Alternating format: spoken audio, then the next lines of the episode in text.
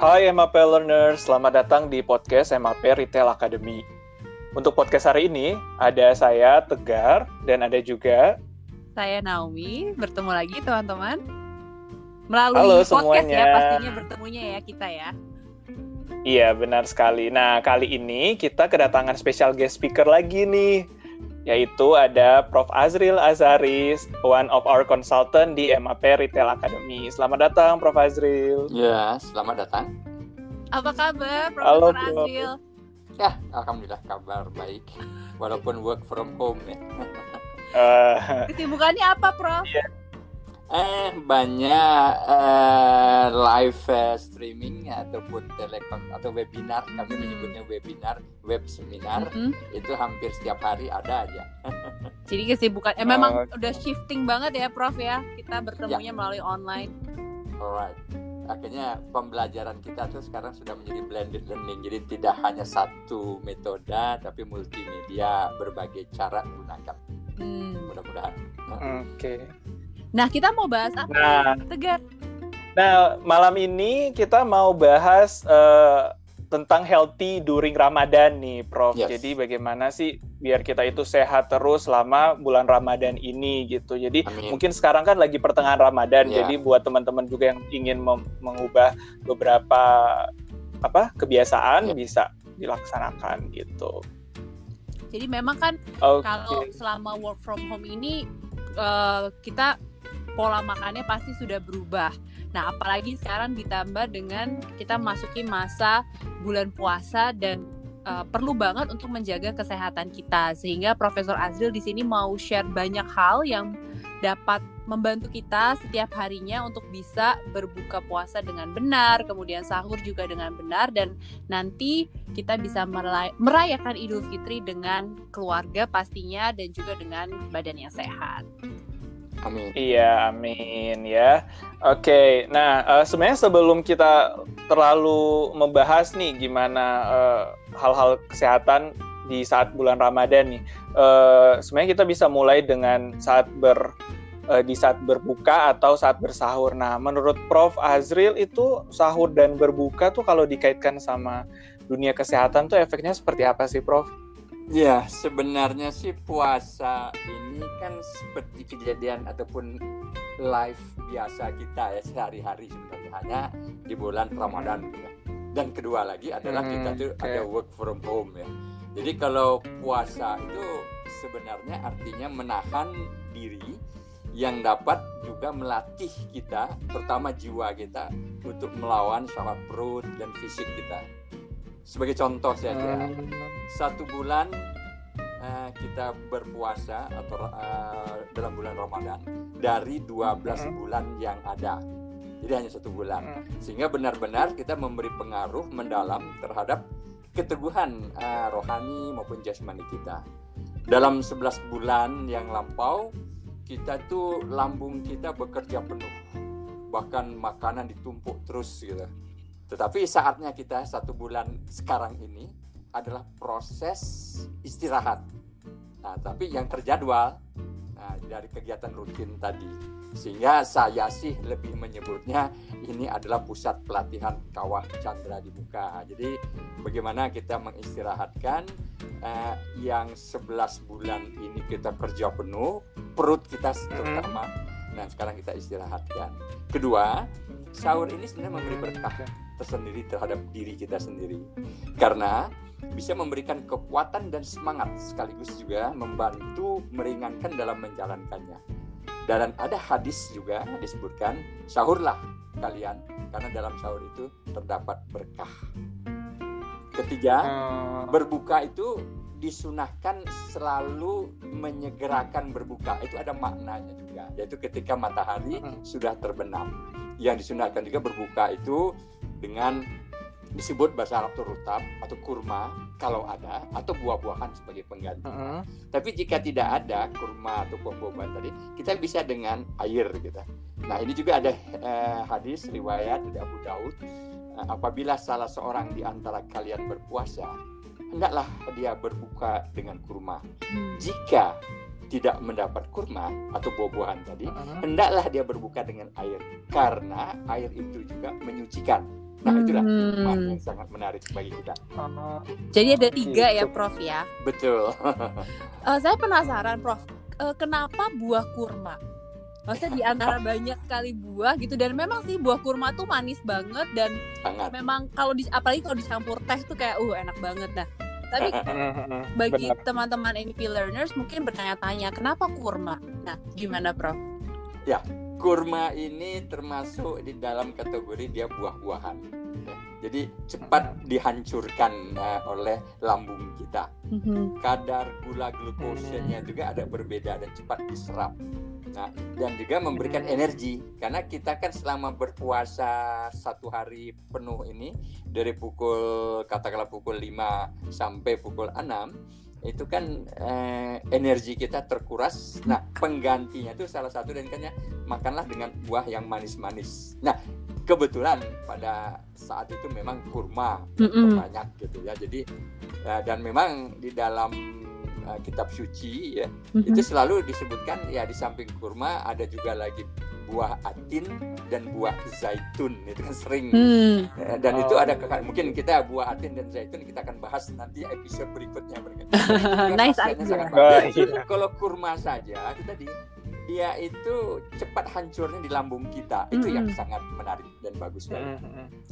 Oke, jadi ternyata Jadi itu fakta ya. penyerapannya cepat Ya, gitu ya, Betul. Prof? Jadi tidak dicernakan lambung kita nggak karena dalam perut kita itu kan tidak ada mesin. Hmm. Yang ada adalah getah lambung atau enzim ataupun di dalamnya itu ada bakteri. Jadi yang menghancurkan itu bakteri. Nah, Hmm. bakteri kan terbagi dua, ada yang jahat, ada yang penyakit gitu, tapi ada juga yang sehat. Nah, inilah yang sehat. Makanya kita selalu makan apa? Yakult ataupun Vitacam. itu kan Oh, isinya bakteri. Kalian, mohon maaf ini Nah. nggak didukung dengan Kalian- merek tersebut ya. Iya. Eh, karena sulit kita karena eh, itu yang terbanyak Oh, oke. eh, beredar ya di pasar yang eh, apa namanya Yang kita bisa beli ya. bakteri-bakteri yang positif gitu termasuk juga yogurt kan juga Hmm. merek apa saja itu juga bakteri juga nah Hmm. bakteri inilah yang membantu lambung kita untuk menghancurkan jadi kita tidak ada Nah, tadi ya bagaimana Iya. Nah, tadi kita ngomongin soal jadi kan eh, dari Prof bilang bahwa oh ternyata kalau kurma itu salah satu yang membantu Ya. pelepasan energi di saat kita sudah ber eh, berpuasa kurang lebih sekitar dari pukul 5 sampai 6 Ya, ya, Prof. betul. Nah, kalau kita ngomongin soal energi ya, Prof. Ya. eh, ketika kita kaitkan dengan kondisi sekarang yang work from home gitu. Ya. kira-kira sebenarnya energi yang kita keluarkan yang biasanya itu aktivitas di luar rumah sekarang Ya. jadinya energi di ya Tertahan. di rumah aja gitu kan Heeh.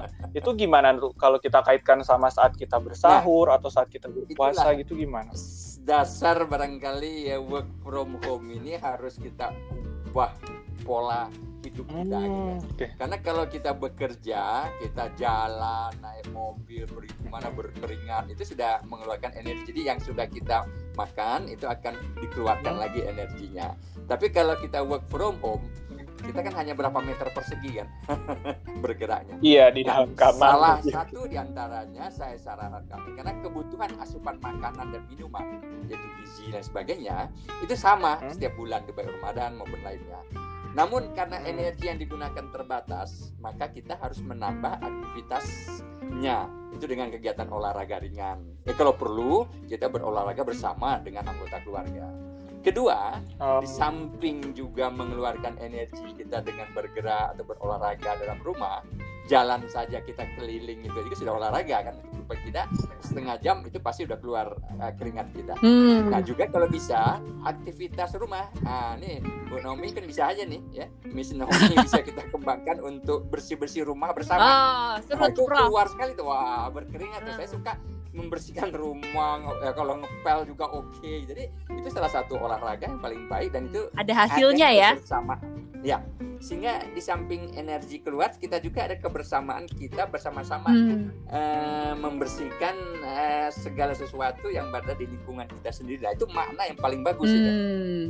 Betul betul. Jadi selain membangun fisik juga membangun hubungan ya, sama Ya. keluarga kita ya. Bagus banget. Kebersamaan eh, dengan keluarga, Kak. Dan ini tidak ada di sebelum work from home. Betul. Oh iya benar Nah, inilah barangkali bu, kalau orang bilang ini negatif, kalau menurut saya ini positif. Hmm. kita banyak waktu tapi waktu kita itu akan lebih eh, apa namanya ya lebih ada waktu bersama sama dengan anggota keluarga kita Hmm. Nah, jadi ini yang bagus kita bisa membersihkan rumah bisa diskusi bersama dan lain sebagainya Buat teman-teman yang memang anak Iya. kos atau anak rantau ya kayak Tegar. anak Iya rantau. benar kalau kayak Jadi kita bi- mungkin bisa sambil bersihin kos-kosan, bersihin Iya. rumah Iya. sambil zooman sama keluarga ya.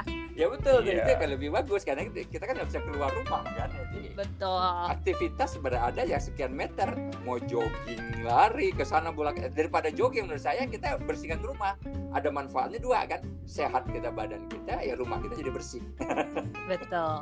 Iya, benar. Langsung ya. betul kelihatan.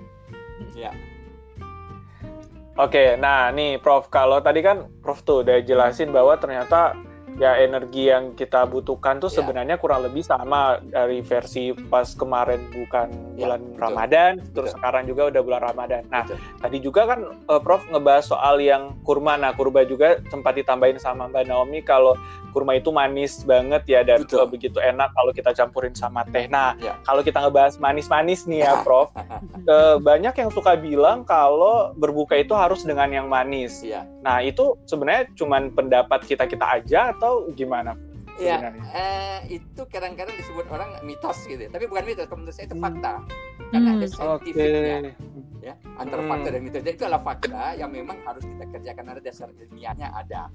Karena Hmm. eh, memang dianjurkan baik eh, untuk kesehatan kita sendiri. Manfaatnya adalah karena buah kurma tadi itu mudah dicerna kita, eh, badan kita, dan Hmm.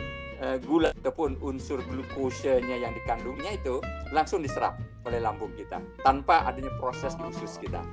Jadi langsung. Kalau makanan lain kan dia dis- eh, dihancurkan dulu diproses. Kalau ini langsung diserap ya. Jadi cepat. Nah inilah yang disebut keuntungannya. Sementara dalam waktu cepat kadar gula yang ada dalam darah dia itu akan menjadi seperti biasa eh, adanya atau bersifat seperti alami saja gitu. Hmm. Jadi yang berikutnya bahwa makan buah-buahan itu sangat baik.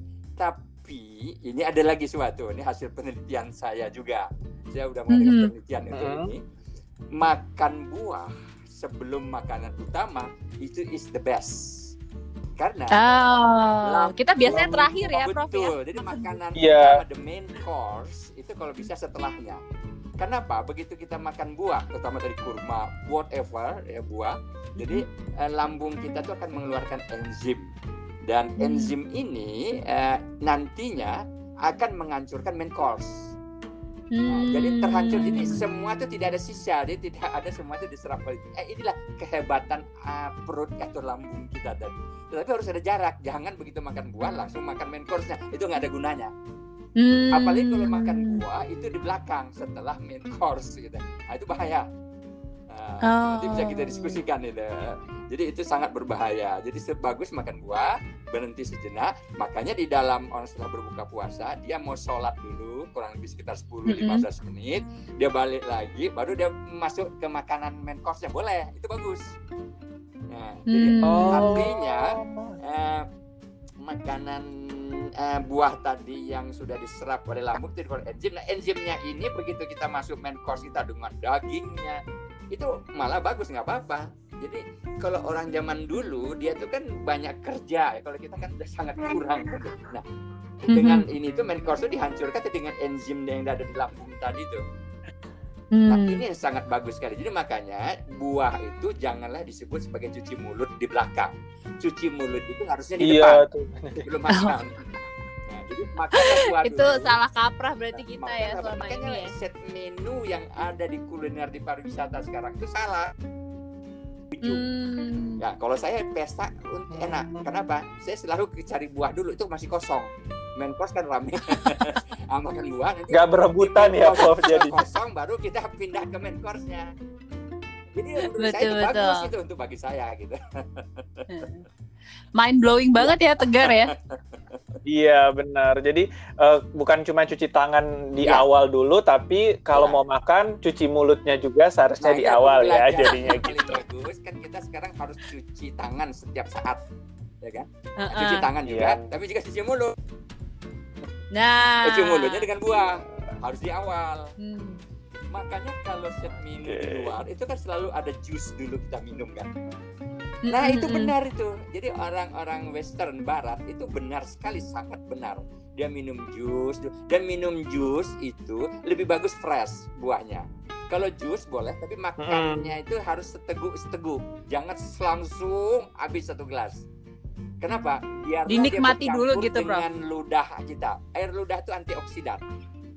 Oh. Jadi begitu dia sedikit bercampur dengan oksidan baru telan.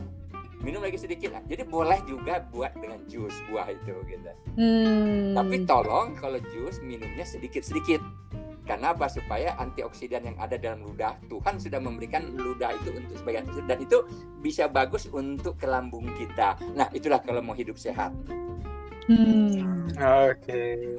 Wah, mantap sekali ya. Nah, eh, sekarang kalau kita kaitin nih Prof, akhirnya tadi kan Prof sempat eh, menyebutkan kalau di pariwisata tuh eh, menganggap eh, beberapa apa pilihan kayak makanan tuh buah harus di awal gitu-gitu. Nah, kalau kita kaitkan hal itu dengan kondisi kita ya, Ya. Prof, eh, retail dan pariwisata Ya. nih.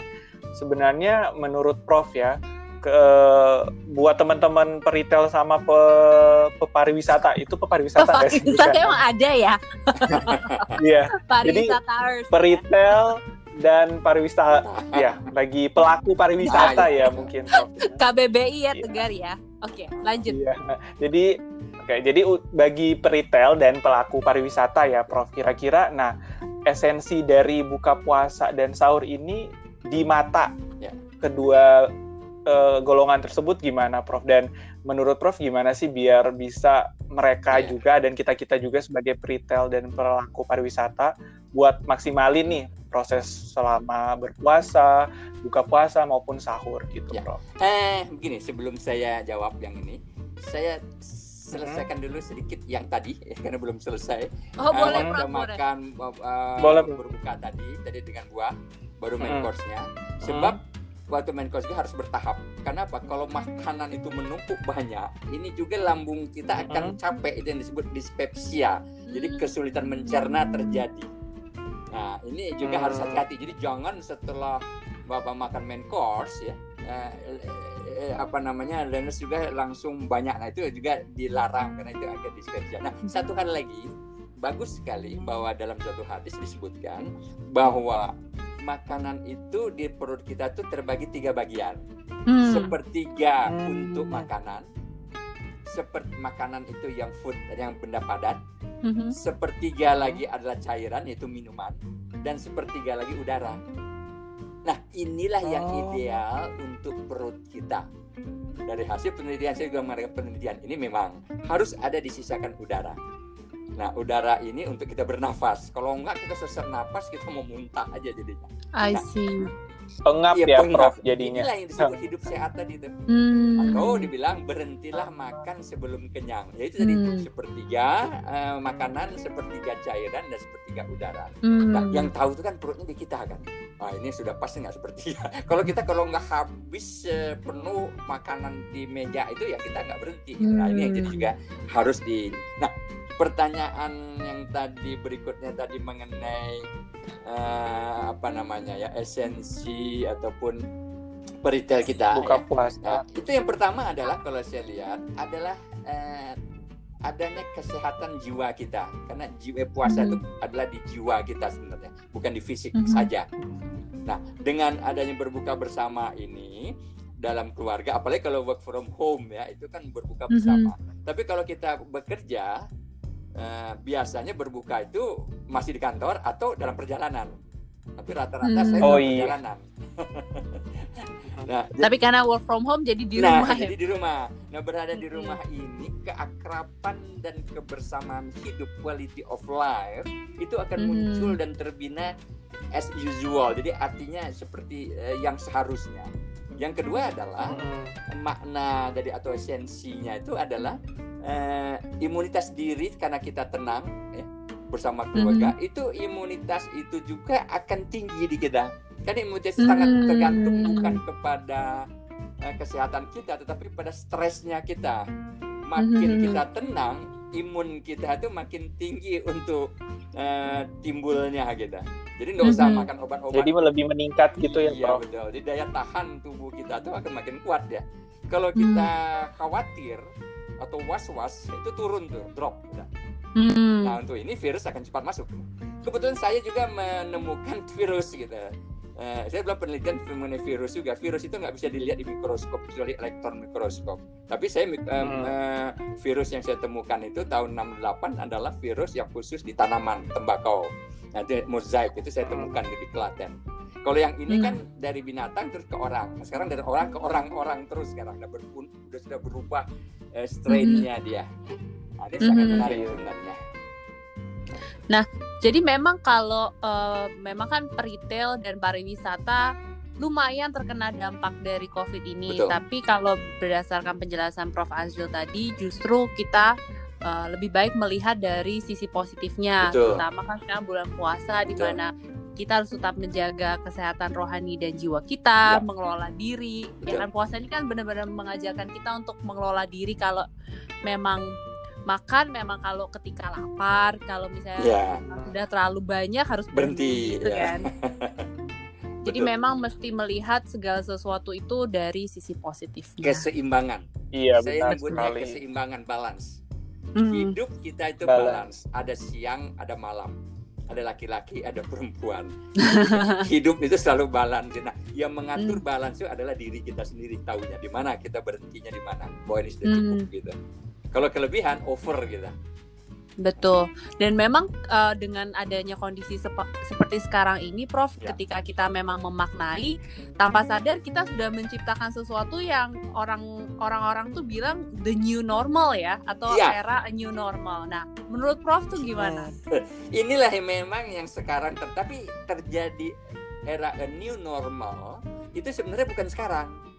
Itu Oh, tahun gitu. 2007 sudah muncul waktu terjadi krisis di kita. Hmm.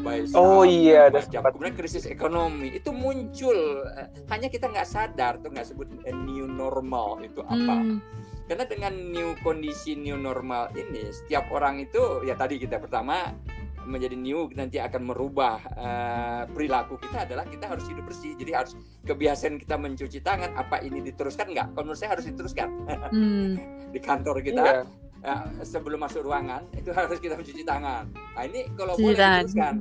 Nah ini kan suatu hal perubahan jadi normal tapi yang new mencuci tangan tadi. Kemudian belajar kita sekarang sudah belajar seperti ini online Mhm. atau saya sebutnya blended learning. Nah ini terjadi pergeseran ini nih tapi sebenarnya ada satu konsep barangkali kita bahas nanti saja Mhm. sebenarnya bukan hanya a new normal tapi juga menjadi suatu black swan angsa hitam Wah, Nah, maksudnya gimana Angsa- tuh, Prof? jadi dua satu a new maksudnya itu normal, gimana? satu lagi menjadi black swan-nya itu jadi, bisa menjadi angsa dan kalau angsa hitam ini menjadi sesuatu yang sangat positif kalau Ah. new normal dia kembali ke yang lama tapi agak bergeser sedikit saja sehingga Hmm. untuk menaiknya lama. Tapi kalau yang Black Swan angsa hitam tadi itu dia mencari sesuatu yang over, jadi apa eh, melebihi dari yang expected gitu. ya. Jadi sangat positif sekali. Hmm. Ya, contoh kita tadi hidup tadi kita sehat, jadi kita itu menjadi eh, yang kelemahan kita.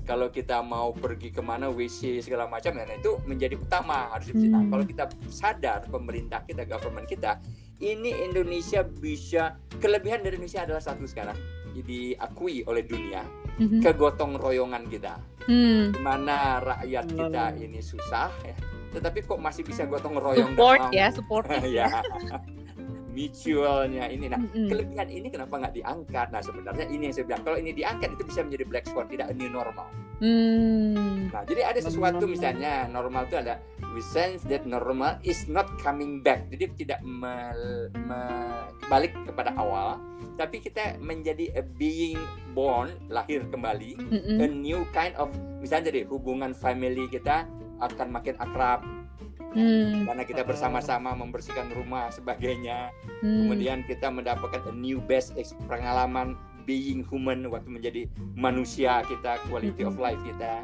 Hmm. kemudian ada a new adjustment atau readjustment terhadap macam-macam kondisi sekarang dan saya menyebutnya ini kok saya menyebutnya kita akan masuk kepada suatu era yang disebut shifting the human Shifting. behavior Hmm. Nah, ini sangat bagusnya. Ini positif. Nah, kalau kita mau, maksudnya, habit bekerja kita juga semua positif dan segala macam, itu menjadi the black swan, dan bukan hanya Hmm. new normal. Tapi apakah kita bisa? Nah, mari barangkali. Kalau menurut saya bisa. Hmm. Jadi memang yang dilihat lebih ke arah kontinuitasnya ya, Ya. karena kalau normal kan lebih ke arah oh ya memang itu rutinitas gitu, tapi we need to improve. Ya, jangan life rutinitasnya gitu ya. itu yang kita ini, tetapi sesuatu yang unexpected. Jadi kalau kita harus berpikir itu bukan, eh, saya nyebutnya bukan di luar box, out of box.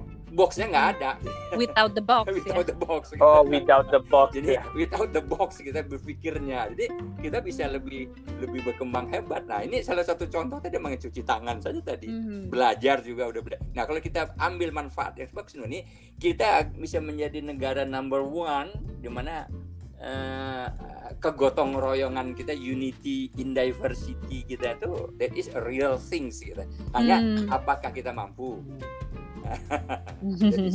Itu pertanyaan untuk ke semua orang ya berarti ya. yes. Iya. Baiklah, jadi kalau misalnya dari pernyataan Prof Azril tadi, sebenarnya kita tidak hanya memasuki era a new normal, tapi Betul. kita itu lebih ke arah shifting human behavior, Iya, gitu ya Prof ya. betul. Ya. Yang kalau dilihat esensinya itu seperti black swan atau Ya. angsa hitam yang memang uh, memberikan dampak yang bagus Oh, banget iya. gitu. jadi unexpected muncul jadi di luar eh, dugaan kita muncul hal yang sangat terbaik yang bisa merubah semua perilaku kita yang di belakang ini dan itu menjadi Oh. sangat positif Hmm.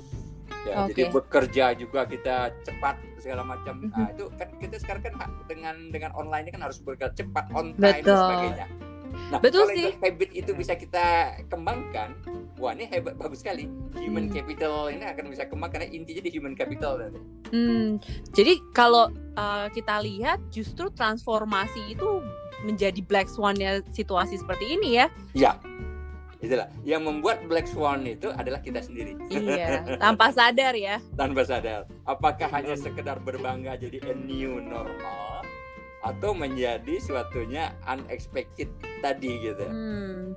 Di luar tanpa kita duga kita muncul sesuatu kita bisa jadi the winner. Nah.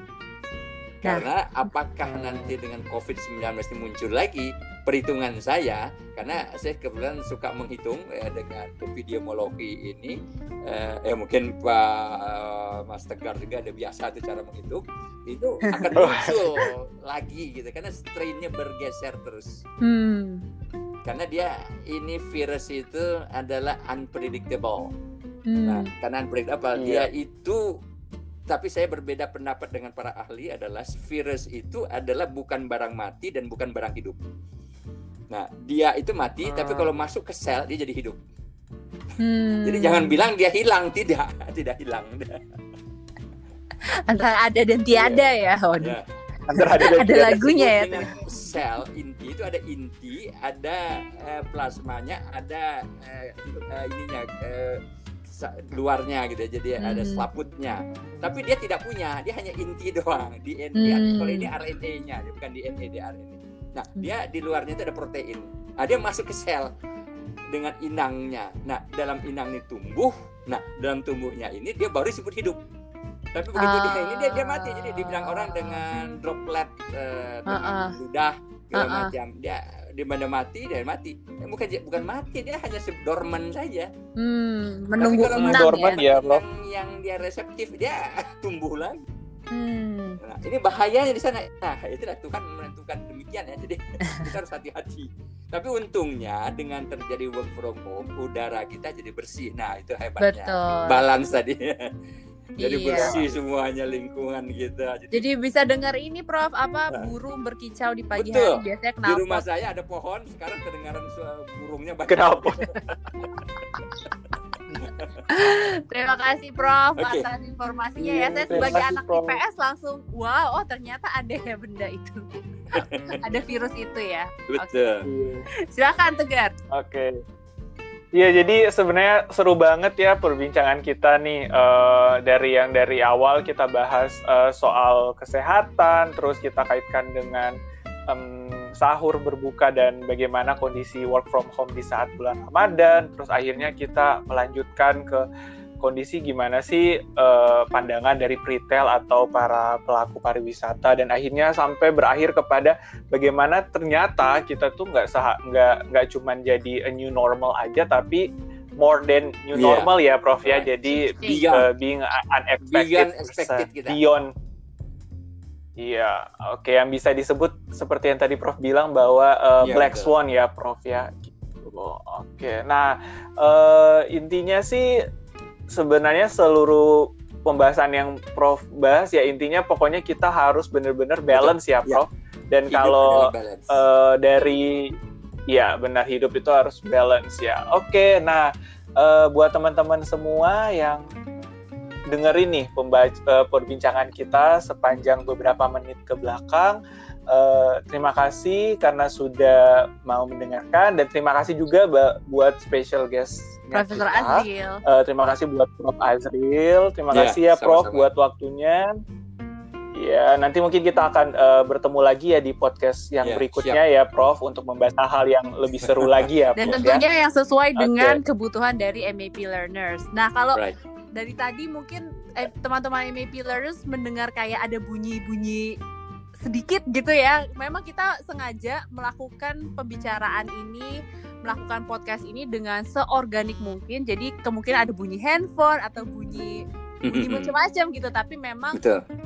Iya. Kita pengen menciptakan situasi yang real. Kayak kita ketemu biasa aja, yeah. kita ketemu real. Iya, jadi biar teman-teman juga tetap merasa bahwa oke okay, kita tetap berada di real Betul. situation ya, walaupun ternyata ada media perantaranya gitu. Oke, okay, uh, eh, baiklah Prof, terima kasih ya. atas waktunya. Nah, buat teman-teman learners juga, sampai ketemu ya nanti di podcast-podcast MAP Retail Academy berikutnya. Pasti dengan topik-topik yang menarik juga. Jadi, oke okay, learners, keep healthy and stay safety. Thank you. Stay safe ya. Thank you. Bye-bye. Thank you. Bye.